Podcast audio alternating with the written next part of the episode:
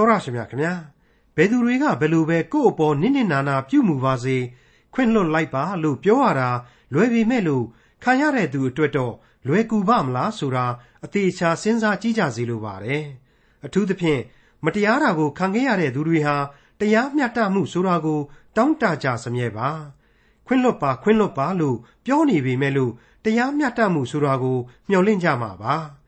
အာမတန်လို့သာမန်လျှော့နေကြရပေမဲ့ အကောင်းအဆိုးအကျိုးအပြစ်ကိုတော့မှန်မှန်ကန်ကန်ဖော်ထုတ်လိုကြတယ်တရားမျှတမှုကိုလိုလားကြပါတယ်ဒီကနေ့တင်ပြရတော့တမချန်းအစီအစဉ်မှာလေ့လာမှာဖြစ်တဲ့ခရိယန်တမချန်းဓမ္မဟောင်းကျမ်းပိုင်းတွေက28ခုမြောက်သောဆာလံကျမ်းနဲ့29ခုမြောက်သောဆာလံကျမ်းတွေထဲမှာလည်းအကျိုးအပြစ်ကိုစပ်ပေးဖို့အတွက်ထာဝရရှင်မြတ်စွာဘုရားသခင်ထံတော်မြတ်မှာအတိအလင်းတောင်းလျှောက်တာကို တွေးကြရမှာဖြစ်ပါတယ်။ အပြစ်နဲ့အလျောက်စီရင်ဖို့အတွက်တောင်းလျှောက်တန်ကိုလည်းကြားကြရမှာပါ။ဖះရှင်ကမဆတော်မူပါမှစိတ်နှလုံးရှင်လန်းခွင့်ရမယ့်အကြောင်းပါဝင်တဲ့28ခုမြောက်သောဆာလံကျမ်းနဲ့29ခုမြောက်သောဆာလံကျမ်းတို့ကိုဒေါက်တာထွန်းမြတ်အေးကအခုလိုလေ့လာသုံးသပ်တင်ပြมาဖြစ်ပါတယ်။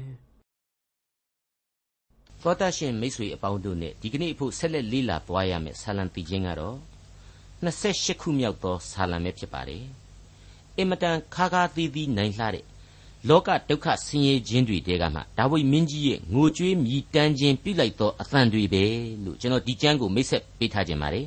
။ဟုတ်ပါတယ်။ဒါဝိရဲ့ကြောက်ခမန်းလိလိဒုက္ခကာလကိုရည်ညွှန်းဖော်ပြနေတဲ့ဆာလံပီခြင်းကြီးပဲဖြစ်ပါတယ်။ရွေးကောက်တော်မူသောလူမျိုးတော်တို့အဖို့ခံစားရအနာဂတ်ကာလဒုက္ခများကိုလေရည်ရွယ်ဖော်ပြသွားမယ်လို့ဒီကျမ်းကို ဗျာဒိတ်ပြုသောကျမ်းအဖြစ်တော်၎င်းအနာဂတ်ပြုသောကျမ်းအဖြစ်တော်၎င်းလေ့လာမယ်ဆိုရင်လည်းဖြစ်နိုင်ပါ रे နားဆင်ကြည့်ကြပါ28ခုမြောက်သောဆာလံအငယ်1နဲ့2အကျွန်ုပ်ဤကြောက်ဖြစ်တော်မူသောထာဝရဘုရားအကျွန်ုပ်ကိုအကျွန်ုပ်အော်ဟစ်ပါ၏မထူးဘဲနေတော်မမူပါနှင့်မထူးဘဲနေတော်မူလျှင်အကျွန်ုပ်သည်တင်းကြိုင်းတွင်တဲ့သို့ဆင်းသောသူကဲ့သို့ဖြစ်ရပါမည်အကျွန်ုပ်သည် တန်ရှင်းသောဗျာဒိတ်ဌာနတော်သို့လက်ကိုချီ၍ကိုတော်ကိုအော်ဟစ်သောအခါအကျွန်ုပ်တောင်းလျှောက်သောအသံကိုနားထောင်တော်မူပါ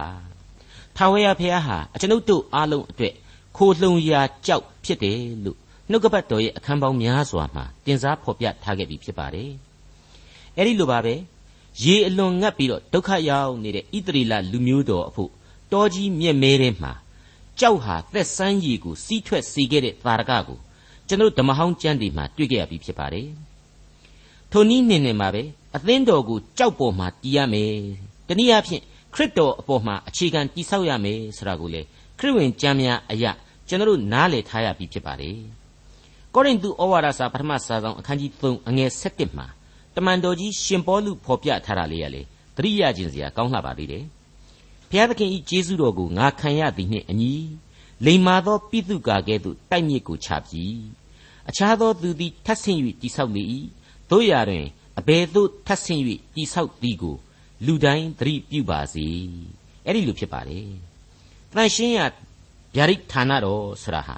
တဲတော်ရဲ့ဘုရားသခင်ကျင်းဝတ်တော်မူမယ်ဆိုပြီးတော့သတ်မှတ်ဖော်ပြရာဗြိညင်သက်တာတော်ဓမ္မမဟုတ်ရင်ကျေးဇူးနဲ့ဂရုဏာတော်ပလင်ကိုဆိုလိုခြင်းဖြစ်ပါတယ်အခုကျွန်တော်တို့အဖို့ကတော့ပြီးခဲ့တဲ့သင်ခန်းစာမှာကျွန်တော်ရှင်းပြခဲ့ပြီးဖြစ်ခဲ့တဲ့အတိုင်းပဲ တဲတော်ကိုလည်းရှာဖွေစရာမလိုရစ်ပလင်ကြီးကိုတီးပြီးတော့ပူဇော်စရာအကြောင်းလည်းမရှိရစ်ပလင်တစ်ခုနားမှာရစ်တီရစ်တီအနာကပ်ပြီးနေစရာအကြောင်းလည်းမရှိတော့ပါဘူး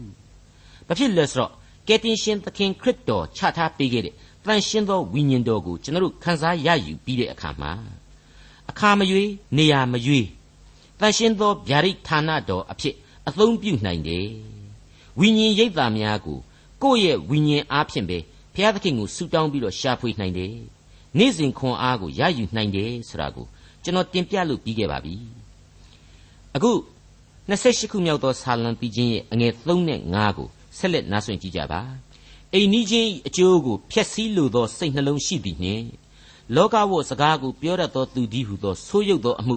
မတရားသောအမှုကိုပြုတတ်သောသူတို့နှင့်အတူအကျွန်ုပ်ကိုသွေးဆောင်တော်မမူပါနှင့် သူတို့ကျင့်သောအကျင့်တလေဆိုးရုပ်သည်နှင့်အညီအကျိုးအပြစ်ကိုဆက်ပေးတော်မူပါ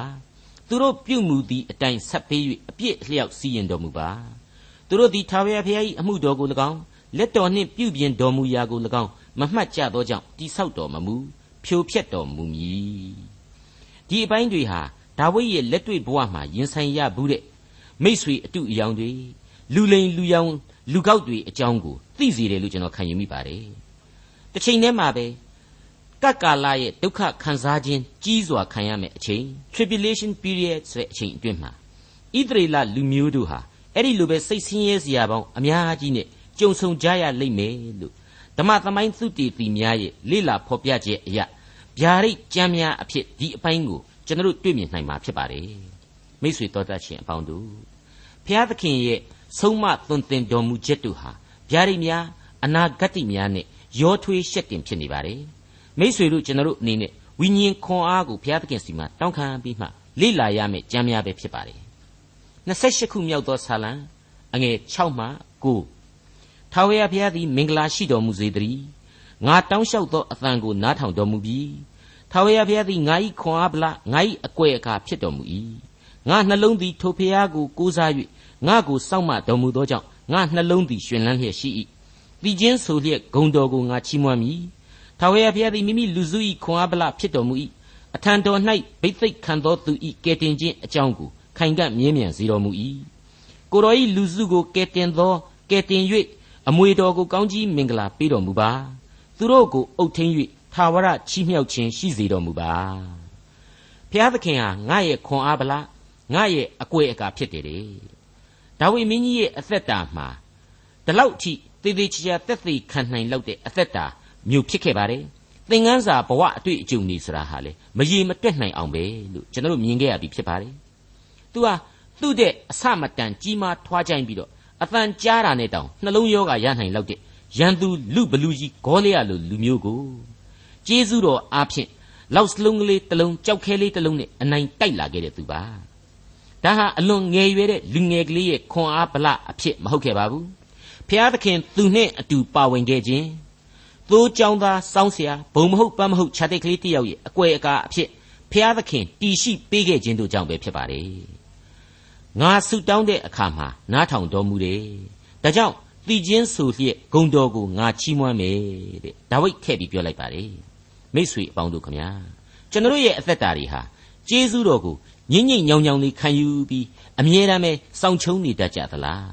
ဂုံတော်ကိုတော့ချီးမွမ်းရမှာ အားပြော့ပြီးများနေတတ်ကြသလားလို့ကျွန်တော်မိကွန်းထုတ်ချင်ပါတယ်အမှန်တော့ဘုရားသခင်ကောင်းကြီးကိုခန်းစားရလေလေခန်းစားရကောင်းကြီးများအတွက်ကျေးဇူးကိုကျေးဇူးတဲ့အညီတုံ့ပြန်ပြီးတော့အချိုးညီမျှတပ်ပရမျှတသောအလှူဒါနများကိုပြုလုပ်သင့်တယ်ဘုရားသခင်မြစ်တာတော်ကိုလိုအပ်နေရအရက်တိုင်းကိုမိမိရဲ့စွမ်းအားတတ္တိရှိသရှိသမျှနဲ့ဝေမျှဖြန့်ပြူးသင့်တယ်လို့ကျွန်တော်ဆိုချင်ပါတယ်အထံတော်၌ဘိသိက်ခံသောသူ၏ကယ်တင်ခြင်းအကြောင်းကိုခိုင်ကန့်မြဲမြံစေတော်မူ၏ ဒီချက်ဟာလေအလွန်အရေးကြီးတဲ့အချက်ပါခရစ်တော်မေရှိယဆိုင်ရာဖော်ပြချက်အဖြစ်ကွင်းကွင်းကွက်ကွက်တွေ့နေရလို့ပဲဖြစ်ပါတယ်ဘုရားသခင်ကသူ့ရဲ့ဘုန်းတော်ကိုယူတင်ဝတ်ဆောင်ထားတဲ့လူစားတိခံသားတော်ကိုကယ်တင်ရှင်မေရှိယအဖြစ်မြေလောကကိုစေစားခဲ့ပါတယ်ဒီသခင်ရဲ့ကယ်တင်ရှင်ကျေးဇူးတရားကြောင့်သာလျှင်ဒီကနေ့ကျွန်တော်တို့အပြစ်သားများဘဝဟာမျောလင့်ခြင်းရှိနေရတာပဲဖြစ်ပါတယ်ဒီလိုမျောလင့်ခြင်းဆိုတာဟာအဆက်ဆက်သောသမိုင်းဝင်လူသားများအလုံးအတွက်ထင်ရှားစွာတည်နေခဲ့သလို အနာဂတ်လူသားတို့အတွက်လည်းဒီအတိုင်းပဲဆက်လက်တည်နေအောင်မှမလွဲဧကန်အမှန်ပါပဲ။ဘာဖြစ်လဲဆိုတော့ဒီသခင်ရဲ့ကယ်တင်တော်မူခြင်းဆိုတာကိုဘုရားသခင်ကိုတော်တိုင်အတီးပြုတ်ပြီးတော့ကောင်းကြီးပေးထားတယ်။ခိုင်ကန့်မြဲမြံစေတော်မူထားတယ်ဆိုတာကိုအခုဆာလံတီချင်းဟာရှင်းရှင်းကလေးဖော်ပြလိုက်ပြီမဟုတ်ဘူးလား။မိမိလူစုကိုခိုင်ကန့်စေမယ်။အုတ်ထင်းတော်မူမယ်ဆိုတဲ့အချက်တွေနဲ့ပတ်သက်လို့ဟေရှာယအနာဂတိကျမ်းအခန်းကြီး40အငယ်7ရဲ့ဖော်ပြချက်ဟာ ဒီအပိုင်းကိုအားဖြည့်ပေးနေတယ်လို့ကျွန်တော်ဆိုချင်ပါတယ်ဇီးအောင်တောင်သို့ဝမ်းမြောက်စရာသတင်းကိုဆောင်ခဲ့တော်သူမြင့်သောတောင်ပေါ်သို့တက်လော့ယေရုရှလင်မြို့သို့ဝမ်းမြောက်စရာသတင်းကိုဆောင်ခဲ့တော်သူကျဲသောအသံကိုလွှင့်လော့မစိုးရိမ်ပဲအသံကိုလွှင့်လော့သင်တို့၏ဘုရားသခင်ကိုကြည့်ရှုကြဟုယူဒမြို့ရွာတို့အားပြောလော့ကြည့်ရှုလော့အရှင်ထာဝရဘုရားသည်ကြီးသောတကိုးနှင့်ကြွလာ၍လက်ယုံတော်အားဖြင့်အစိုးရတော်မူလိမ့်မည်မိမိခံတိုက် ခံတော်မူတတ်သောအခမိမိ၌ပါလျက်ဆုလက်တော်သည်ရှိတော်၌ရှိ၏မိမိသိုးစုကိုသိုးရင်းကဲ့သို့ကျွေးမွေးတော်မူမည်သိုးတငယ်တို့ကိုခြီ၍ပိုက်ပွေတော်မူမည်သားငယ်ရှိသောသိုးမတို့ကိုလည်းဖြင်းညင်းစွာပို့ဆောင်တော်မူမည်မိษွေတော်တတ်ရှင်အပေါင်းတို့ဘုရားသခင်ပြုတော်မူသောကျေးဇူးတော်ဒီဟာအခုဆာလံဆရာလင်္ကာရှင်ကြီးရဲ့ဘဝခံစားချက်တွေနဲ့ရှင်တွဲထင်ရှားနေသလိုကျွန်တော်တို့ မိษွေတို့အားလုံးအဖို့လေအမြဲထိတွေ့နေကြရတဲ့ကျေးဇူးတော်တွေကြီးပဲဖြစ်ပါတယ်ထိုက်တန်တော်လျော်သောကျေးဇူးဆက်ခြင်းအမှုကိုပြုကြပါဝန်းကျင်သို့မေတ္တာကိုဝေမျှကြပါကိုစွန်းကိုစားရှိသည့်ဘုရားသခင်အမှုတော်ကိုထမ်းဆောင်ကြပါဒီနည်းအားဖြင့်အဲ့ဒီကောင်းကြီးတန်တရားဟာလေဘယ်တော့မှပြက်ဆဲနိုင်နေဆိုတာမရှိပဲအစဉ်တစိုက်စီးဆင်းသောမြစ်တစင်းလိုဖြစ်နေလိမ့်မယ်ကျွန်တော်မိษွေတို့အဖို့မင်္ဂလာရှိသောသူများလို့အဲ့ဒီမြစ်နားမှာအစဉ်စိုက်ပြိုးပြီးတော့ အရွက်မညှိုးမနွမ်းသာဝရလန်းဆန်းသောအသက်တာများနဲ့ပြည့်စုံနေကြရလိမ့်မယ်လို့ကျွန်တော်ရဲဝံ့စွာအာမခံလိုက်ပါရစေအခုအချိန်မှာတော့26ခုမြောက်သောဆာလံပြီးခြင်းကိုကျွန်တော်ဆက်လက်တင်ပြသွားခြင်းပါတယ်26ခုမြောက်သောဆာလံအငယ်1မှ4အိုးဖျားသခင်သားတို့ထာဝရဘုရားသည်ဘုံတကိုကြီးတော်မူသည်ဟုဝန်ခံကြလော့ထာဝရဘုရား၏နာမတော်သည်ဘုံကြီးတော်မူသည်ဟုဝန်ခံလျက်တန်ရှင်းသောတစားကိုဆင်၍ထာဝရဘုရားကိုကိုးကွယ်ကြလော့ ထာဝရဘုရား၏အသံတော်သည်သမုတ်တရားပေါ်မှရှိတော်မူ၏ဘုံကြီးတော်မူသောဘုရားသခင်သည်မိုးချုံတော်မူ၏ထာဝရဘုရားသည်များစွာသောရေပေါ်မှရှိတော်မူ၏ထာဝရဘုရား၏အသံတော်သည်တကိုးနှင့်ပြည့်စုံတော်မူ၏ထာဝရဘုရား၏အသံတော်သည်ဘုံအာနုဘော်တော်နှင့်ပြည့်စုံတော်မူ၏မိတ်ဆွေအပေါင်းတို့အခုကြားနာခဲ့ရတဲ့ဆာလံတီချင်းရဲ့ဝေါ်ဟာရတွေကိုစဉ်းစားပြီးတော့မိษွေတို့အနေနဲ့ဘယ်လိုများဒီ29ခုမြောက်သောဆာလံတီချင်းကို ခေါင်းစဉ်ပေးခြင်းကြပါသလဲမုံတိုင်းကြားကအသံတော်ဆိုပြီးတော့အမိပေးရင်အကောင်းဆုံးဖြစ်မယ်လို့ကျွန်တော်တင်ပြခြင်းပါတယ်အလေးအနက်လဲရင်ထဲမှာခံစားမိပါတယ်သဘာဝတရားကိုစိုးမိုးသူနိုင်နှင်းစွာခြေလှဲအုပ်ချုပ်သူဘုရားသခင်ရဲ့ဘုန်းတော်ဘွဲလို့လဲဆိုခြင်းဖြစ်နိုင်ပါလိမ့်မယ်ဟုတ်ပါတယ်ရှစ်ခုမြောက်သောဆာလံမှာတော့ကဆိုရင်လက်ညှိုးတော်အလုတ်ကြီးဟုသောကိုရောဤမိုးကောင်းကင်ကို၎င်းပြင်ဆင်တော်မူသောလနှင့်ကြယ်များကို၎င်းအကျွန်ုပ်ဆင်ခြင်သော လူသည်အဘယ်သို့သောသူဖြစ်၍ကိုတော်သည်အောက်မေ့တော်မူရသည်လို့ဆာလံဆရာဟာဆိုခဲ့ပါတယ်အဲ့ဒီလိုပါပဲ16ခုမြောက်သောဆာလံမှာကြတော့မိုးကောင်းကင်သည်ဖျားသခင်ဘုံအသရေတော်ကိုကြားပြော၍မိုးမျက်နှာချက်သည်လက်တော်နှင့်လှုပ်သောအရာများကိုပြသ၏တနေ့ကိုတနေ့မွဲ့ဆို၍တညကိုတညသွန်သင်၏နှုတ်မွက်ခြင်းစကားပြောခြင်းမရှိသူတို့နှုတ်ထွက်တန်ကိုမကြားရတော့လေသူတို့၏အသံသည်မြေတပြင်လုံး၌နှံ့ပြား၍ သူတို့၏စကားသည်မြေကြီးစွန်းတိုင်အောင်ရောက်လေ၏မိုးကောင်းကင်တွင်နေဘိမှန်ကိုထားတော်မူသဖြင့်နေသည့်အိတ်ခမ်းတဲကထွက်လာသောမင်္ဂလာဆောင်လူလင်ကဲ့သို့ဖြစ်၍ခွန်အားကြီးသောသူကဲ့သို့မိမိသွားရလမ်းသို့လိုက်ပြေးမည်ဟုဝမ်းမြောက်လျက်မိုးကောင်းကင်တစွန်းမှထွက်လာ၍တစွန်းတိုင်အောင်လှည့်ပတ်သောအဖြစ်သူ၏အပူရှိန်မှကွယ်လွတ်သောအရာတစုံတစ်ခုမျှမရှိဆိုပြီးတော့ဖွင့်ရွက်ဖော်ပြထားခဲ့ပါတယ်အခု29ခုမြောက်သောဆာလံမှာကျတော့ ဒီအတိတ်ကျမ်းတွေအတိုင်းပုံစံထပ်တူမယူတော့ပဲမူပြောင်းသွားပြီမုံတိုင်းကြားကကြားရသောအသံတော်တဲ့ဒီအသံတော်ဟာရေမျက်နှပြင်ပေါ်မှာတည်ရှိတဲ့ဝိညာဉ်တော်အဖြစ်ဖြစ်ပေါ်တာပဲလို့ကျွန်တော်ဆိုချင်ပါတယ်ဘာဖြစ်လဲဆိုတော့ကဘာဦးကျမ်းအဖွင့်မှာကလေးကနဲ့နဲ့ရအရ၌မှောင်မိုက်ဖုံးလွှမ်း၍ဖျားသခင်ဤဝိညာဉ်တော်သည်ရေမျက်နှပြင်ပေါ်မှာလှုပ်ရှားတော်မူ၏ဆိုပြီးတော့ဖော်ပြထားခဲ့သေးတယ်မဟုတ်ဘူးလားမိษွေတို့ရေကဘာမြေကြီးဆိုတာဟာတခြားကလာတာမဟုတ်ဘူး ရေကနေမှမြေကြီးဖြစ်လာတယ်ဆိုတာကိုသိပ္ပံဆရာတွေဘယ်သူမှမမြင်ဘူးတညီတညွတ်ကြီးသဘောတူထားကြပါတယ်ခက်တာတစ်ခုကတော့အဲ့ဒီမြေကြီးရဲ့အရင်ရေမျက်နှာပြင်ပေါ်မှာဘုရားသခင်လှုပ်ရှားတော်မူခဲ့တယ်ဆိုတာကိုလူသားတို့မေ့လျော့နေကြခြင်းပါပဲ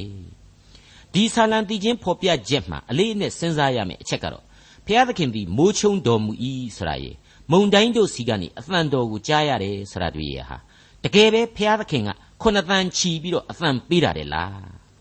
ဘုရားသခင်ကအမှန်တကယ်ပဲလူတွေអော်တာမျိုးလို့អော်ပြီးကြင်ညာတဲ့အတိတ်ပဲလားဆိုပြီးတော့လူသားအနေနဲ့လူတွေတွေးတတ်ကြခြင်းအချက်ပါမဟုတ်ပါဘူးဒါတွေဟာဆာလံဆရာရဲ့စိတ်ဝိညာဉ်မှာခံစားရတဲ့ယူပါယုံတွေပဲဆိုတာကိုကျွန်တော်တို့နားလည်ထားရပါမယ်ဝိညာဉ်တော်သွန်သင်ခြင်းအပြင်နှလုံးသားကခံစားထိတွေ့ရတဲ့အချက်တွေဆိုတာကိုကျွန်တော်တို့နားလည်ကြရပါလိမ့်မယ်မိษွေတို့ကျွန်တော်တို့ရဲ့ဘဝအသက်တာတွေမှာအံ့ဩပွေသောကျေးဇူးတော်ခံစားချက်အမျိုးမျိုးနဲ့ကြုံဆုံရတတ်ပါတယ် အဲ့ဒီလိုကြုံရဆုံရတဲ့အခါတိုင်းမှာလေဘုရားသခင်ကိုအရင်ဆုံးအောက်မေ့ကြဖို့လိုအပ်ပါတယ်လို့ကျွန်တော်ဒီနေရာမှာပြောချင်ပါတယ်သူ့ကိုအောက်မေ့နိုင်ဖို့ရန်အတွက်လေမုံတိုင်းကြီးကြားတဲ့ကသခင်ဟာကျွန်တော်တို့ကိုဘယ်လိုများကျေးဇူးတော်တွေပြုနေတယ်ဆိုတာကိုကျွန်တော်ဒီနေရာမှာကျွန်တော်နီးကျွန်တော်ဟန်နဲ့လင်္ကာတပုတ်ကိုစုဖွဲ့ပြခြင်းပါတယ်ထာဝရရှင်သန်ခြင်းလို့ဒီကဗျာကိုအမိပေးလိုက်ပါရစေ။အိုလောကရန်သင့်အသံကိုငါကြားစိတ်လှုပ်ရှား၍အားငယ် မိတွေ့ရန်ငါမှမရှိအသိမိတ်ဆွေငွေကြေးဥစ္စာဉာဏ်ပညာကို ဖွေရှာမိန်မောငါစိတ်စောလျက်ရောက်ရက်ခတ်မြရှိနေရသည်တကားအိုလောကရန်သင့်အတန်ဤအရင်ငါသခင်ငါဝိညာဉ်ကိုအားဖြည့်အောက်မေ့မိသူ့သစ္စာသူ့အာနာနှင့်သူ့တကူလက်ညှိုးထိုး၍မလွယ်အမြဲသူရှိ ထိုအသည့်ဖြင့်ငါဝမ်းမြောက်ကြောက်သည်မှန်ကတရင်က ရှင်သန်မြည်ပသာဝရ သခင်ဘုံသည်အနန္တာကျွန်တော်ဆိုလိုတာကတော့ရှင်းနေလိမ့်မယ်လို့ကျွန်တော်ထင်ပါတယ်လူသားပီပီလောကရန်ဆိုတာကိုတော့ပြေးလို့လွတ်မယ်လို့မထင်ကြနဲ့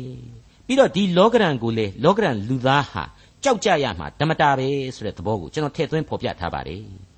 ဒါပေမဲ့ကျွန်တော်ကိုးကွယ်နေတဲ့ဘုရားသခင်ဟာအဲ့ဒီလောကရန်ဖြစ်ပွားရာလောကကိုဖန်ဆင်းတယ်ပိုင်သအုပ်စိုးတယ်ချုပ်ချယ်ကန့်သတ်တယ်ဆိုတာကိုဆာလံဆရာဖော်ပြခဲ့ပြီးပြီ ဒါကိုပဲအစပိုင်းမှာကျွန်တော်ဖော်ပြခဲ့တယ်လို့အနာဂတ်တိတွေဗျာတိတ်တွေဣသရေလလူမျိုးတော်ရဲ့တမျိုးရီသောလူမျိုးတော်ဆိုင်ရာနမိတ်တော်တွေအဖြစ်လေခံယူလို့ရကောင်းတယ်တစ်ချိန်တည်းမှာယုံကြည်ခြင်းလူသားတို့အတွက်လေဘုရားသခင်ကိုပို့ပြီးတော့အာကိုခိုလှုံဖို့ရန်ဒါဝိမင်းကြီးရဲ့ခန်းစားချက်တွေဟာပြညွှန်နေတယ်လို့ကျွန်တော်တို့လေးနဲ့စွာသဘောပေါက်ခံယူထားကြရပါမယ်ဘုရားသခင်သာလျှင်လောကရက်ကိုပိုင်ဆိုင်တယ်ဒီကြီးသားတို့ကိုပိုင်ဆိုင်အုပ်ချုပ်တယ် ဒီအချက်တွေကိုနားလေရင်ပဲလုံလောက်သောကျေးဇူးတော်ကိုလူတ attva အတိုင်းဟာခံယူနိုင်တယ်လို့ကျွန်တော်ဆိုချင်ပါတယ်ဒါကိုလည်း24ခုမြောက်သောဆာလံမှာကလေးကဘုရားသခင်သည်မြေကြီးနှင့်မြေကြီးတစားကို၎င်းလောကရနှင့်လောကသားတို့ကို၎င်းပိုင်တော်မူ၏အကြောင်းမူကားထိုနေရာကိုသမုတ်တရားပေါ်မှာတည်၍ရေများပေါ်မှာမြဲမြံစေတော်မူပြီဆိုပြီးတော့ကျွန်တော်တို့ကိုဖော်ပြခဲ့ပြီးဖြစ်ပါတယ်ဒီသခင်ကိုကိုးကွယ်နေပြီဆိုမှတော့ကျွန်တော်ရဲ့ကြောက်ရွံ့ရခြင်းတွေဟာ ကြောက်ရွံ့ရခြင်းစိုးရိမ်တုန်လှုပ်ရခြင်းပူပန်ရခြင်းတွေဟာအလိုလိုဖွယ်သွားကြရလိမ့်မယ်သေးနှုတ်သွားရစေမယ်လို့ကျွန်တော်ခန်းစားမိပါတယ်သူ့ရဲ့ဘုံတကိုးတော်နဲ့အာနုဘော်တော်သူ့ရဲ့လက်တော်နဲ့စောင့်ထိန်တော်မူခြင်းကိုသာကိုကပို့ပြီးတော့တောင့်တတဲ့စိတ်မွေးရမယ်ဝိညာဉ်တတ္တိထိုအခါမှာပေါ်ထွက်လာစေလိမ့်မယ်လို့ကျွန်တော်ယုံကြည်ပါတယ်မိษွေတို့လောကရန်ဒုက္ခတွေကိုကြောက်လီလီဘုရားသခင်ကိုယုံကြည်ကိုးကွယ်ဖို့လိုလီလီပဲလို့ကျွန်တော်တင်ပြခြင်းပါတယ် ကျွန်တော်အသိမိษွေတွေကတရေသိကြောက်တတ်တဲ့လူငယ်လေးတယောက်အကြောင်းကိုကျွန်တော်ဒီနေရာမှာသတိရမိပါတယ်သူ့အဖေသူ့ဦးလေးတွေသေကုန်ကြတော့အိမ်မှာတောင်မှသူမအိပ်ရဲလောက်အောင်ကြောက်တယ်အဲ့ဒါနဲ့ကျွန်တော်ကသူ့ကိုမကြောက်တရားဟောပြီးတော့ညအိတ်ခန်ဒီတိုင်းမှာ23ခုမြောက်သောဆာလံကိုအလွတ်ရွတ်ဆိုပါဆူတောင်းရင်းနဲ့ဖြစ်သမျှမှာမကြောက်ပါနဲ့ကိုတော်စောင့်ထိန်လိမ့်မည်ဆိုတဲ့တခြင်းကိုလေတယောက်တည်းဆိုပါဆိုပြီးတော့အကြံပြုခဲ့ရပါတယ်အခု26ခုမြောက်သောဆာလံကိုဖတ်ရှုရင်းနဲ့ ကျွန်တော်သူ့ကိုအကြံပြုခဲ့တာတွေဟာမပြည့်စုံလှသေးဘူးသူ့အတွက်26ခုမြောက်သောအခုဒီဆာလံတီချင်းကိုလေရွတ်ဆိုဖို့အားပေးရလိမ့်အောင်မယ်လို့ကျွန်တော်တွေးမိပါတယ်ဒီဆာလံတီချင်းဟာဘုရားသခင်ရဲ့ဘုံတကူတော်အကြောင်းကိုပို့ပြီးတော့ကျွန်တော်တို့ကိုဖော်ပြနေပြီးတော့ခွန်အားတွေတမျိုးပြောင်းလဲရရှိစေတယ်လို့ကျွန်တော်ဆိုချင်ပါတယ်မိษွေတို့အပေါ်မှာလေဒီဆာလံတီချင်းအဖြစ်ဘုရားသခင်ကောင်းကြီးပေးပါစေလို့အသစ်သောဝိညာဉ်အသည့်တရားတို့ပွားများနိုင်ကြပါစေလို့ကျွန်တော်ဆုတောင်းပေးလိုပါတယ် 26ခုမြောက်သောဆာလံအငယ်6မှအငယ်9မှ9ထာဝရဘုရား၏အသံတော်သည်အာရစ်ပင်တို့ကိုချိုးတော်မူ၏အကယ်စင်စစ်ထာဝရဘုရားသည်လေပနုံအာရစ်တောကိုချိုးတော်မူ၏တောကိုနွားတငယ်ကဲ့သို့၎င်းလေပနုံတောနှင့်စီရုံတောကိုကြန့်တငယ်ကဲ့သို့၎င်းခုံစေတော်မူ၏ထာဝရဘုရား၏အသံတော်သည်မီလီယံကိုခွဲတော်မူ၏ထာဝရဘုရား၏အသံတော်သည်တောကိုခြောက်ခြားတော်မူ၏ထာဝရဘုရားသည်ကာဒေရှတောကိုခြောက်ခြားတော်မူ၏ ထာဝရဘုရား၏အသံတော်သည်သမင်တရေမကိုမွေးဖွားစေတော်မူ၏တောတစားတို့ကိုလည်းပယ်ရှင်းတော်မူ၏ဗိမာန်တော်၌ခတ်သိမ်းသောသူတို့သည်ဘုန်းတော်ကိုဖော်ပြကြစေ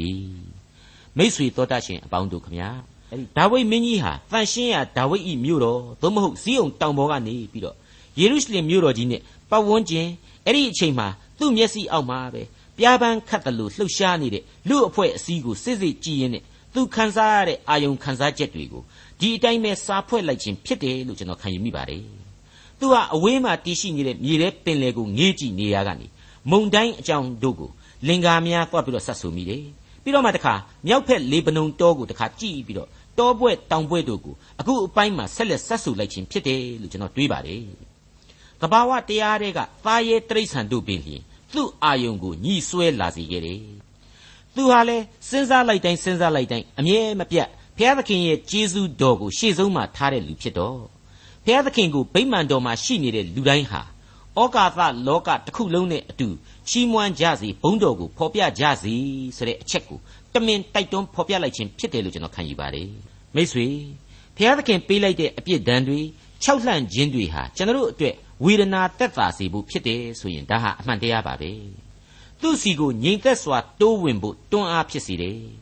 ဒါဟာလည်းသစ္စာတရားတစ်ခုပါပဲအမင်္ဂလာမှသည်မင်္ဂလာစီသို့ပြောင်းလဲစေတယ်သူ့ကိုပုံမအားကိုခိုလှုံဖို့တိုးဝင်ချင်းကပ်ဖို့သာလိုတယ်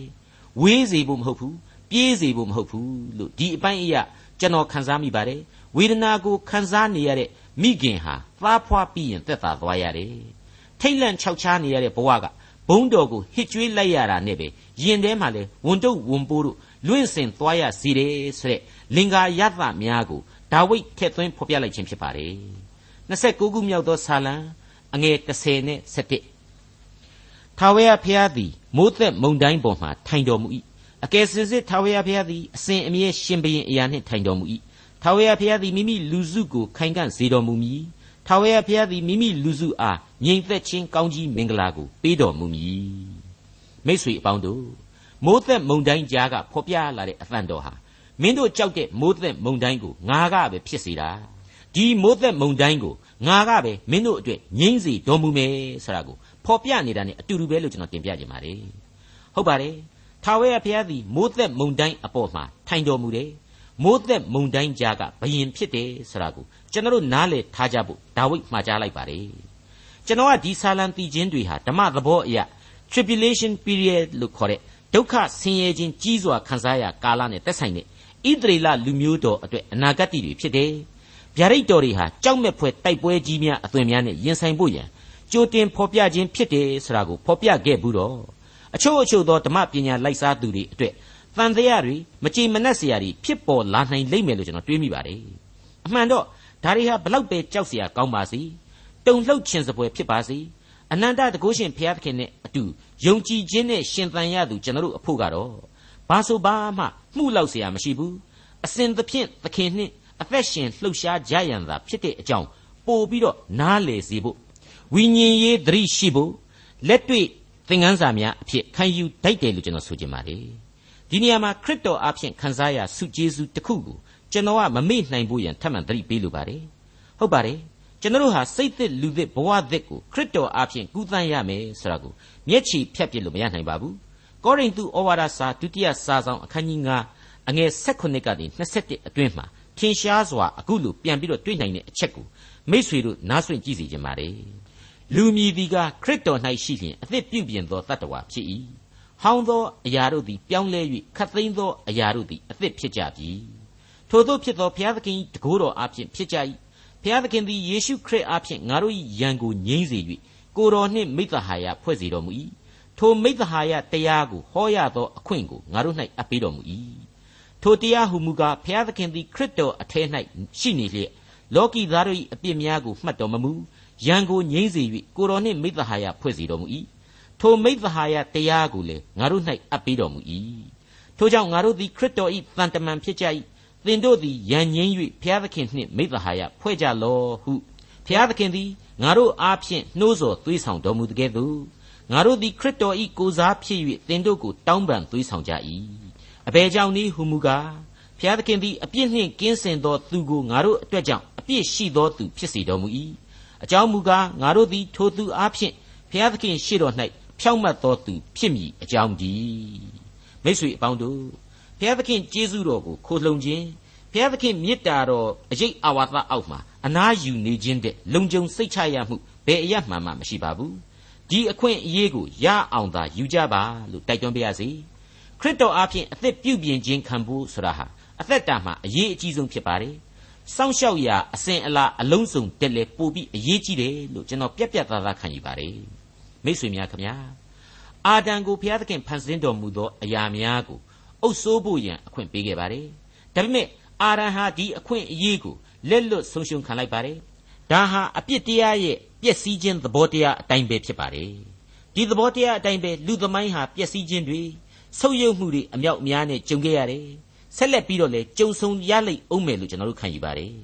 အဲ့ဒီအပြစ်ရဲ့သဘောတရားဟာသမိုင်းနှစ်ပေါင်းများစွာအတွင်းမှာလူအဖွဲ့အစည်းကိုကွဲပြားခြားနားမှုကြီးတွေတယောက်တစ်ပေါက်ဖြစ်စေမှုကြီးတွေပရိဘက်ခတွေစသဖြင့်အသွင်သဏ္ဍာန်အမျိုးမျိုးနဲ့အစိတ်စိတ်အမွှားမွှားဖြစ်စေခဲ့ပြီးပြီလို့ကျွန်တော်ခံယူပါတယ်ကိစ္စမရှိပါဘူး ဒါတွေအကုန်လုံးကိုခြေဖြတ်ပြစ်နိုင်တာရှိပါတယ်ဖျားသခင်ရဲ့ကယ်တင်တော်မူခြင်းကိုခရစ်တော်အားဖြင့်မြင်ရတယ်ခရစ်တော်အားဖြင့်သာဝရအသက်ကိုလူသားတို့ရရှိတယ်ခရစ်တော်အားဖြင့်သာအပြစ်လောကအပြစ်သမိုင်းကြီးတစ်ခုလုံးကနေလူသားတို့လွတ်မြောက်နိုင်တယ်ဆိုတဲ့သစ္စာတရားနဲ့ခြေဖြတ်ပြစ်ဖို့ရန်ဖြစ်ပါတယ်ဒါနဲ့ပတ်သက်ပြီးတော့ရှင်မာကုခရစ်ဝင်ကျမ်းကဖော်ပြချက်တွေကိုကျွန်တော်တို့ဆင်ခြင်နှလုံးသွင်းတိုက်လာပါတယ်ရှင်မာကုခရစ်ဝင်ကျမ်းအခန်းကြီး၄ အငယ်35မှ41ကိုပြန်ပြီးတော့နားဆွင့်ကြည့်ကြပါထိုညအချိန်ခါ၌ကိုတော်ကကမ်းတစ်ဖက်သို့ကူးကြဂုံအံ့ဟုမိန့်တော်မူလျင်တပည့်တော်တို့သည်လူစုလူဝေးမှထွက်၍လှေပေါ်၌ရှိသောကိုတော်ပါလျက်သွားကြ၏အခြားလှေတို့လည်းပါသည်ထိုအခါပြင်းစွာသောမိုးသက်မုန်တိုင်းဖြစ်၍လှိုင်းတဘိုးခတ်သောကြောင့်လှေသည်ရေနှင့်ပြည့်လေ၏ကိုတော်သည်ပဲ့၌ခေါင်းအုံးပေါ်မှကျိန်းဆက်၍နေတော်မူ၏တပည့်တော်တို့သည်ကိုတော်ကိုနှုတ်ပြီးမှအရှင်ဖျား အကျွန်ုပ်တို့သည်ပျက်စီးခြင်းသို့ရောက်သည်ကိုလစ်လျူသောစိတ်ရှိတော်မူသလောဟုလျှောက်ကြသောကိုတော်သည်ထ၍တိတ်ဆိတ်စွာတိတ်ဆိတ်ငြိမ်ဝတ်စွာနေကြဟုလေနှင့်ပင်လေကိုဆုံးမတော်မူသဖြင့်လေသည်ငြိမ်၍အလွန်သာရလေ၏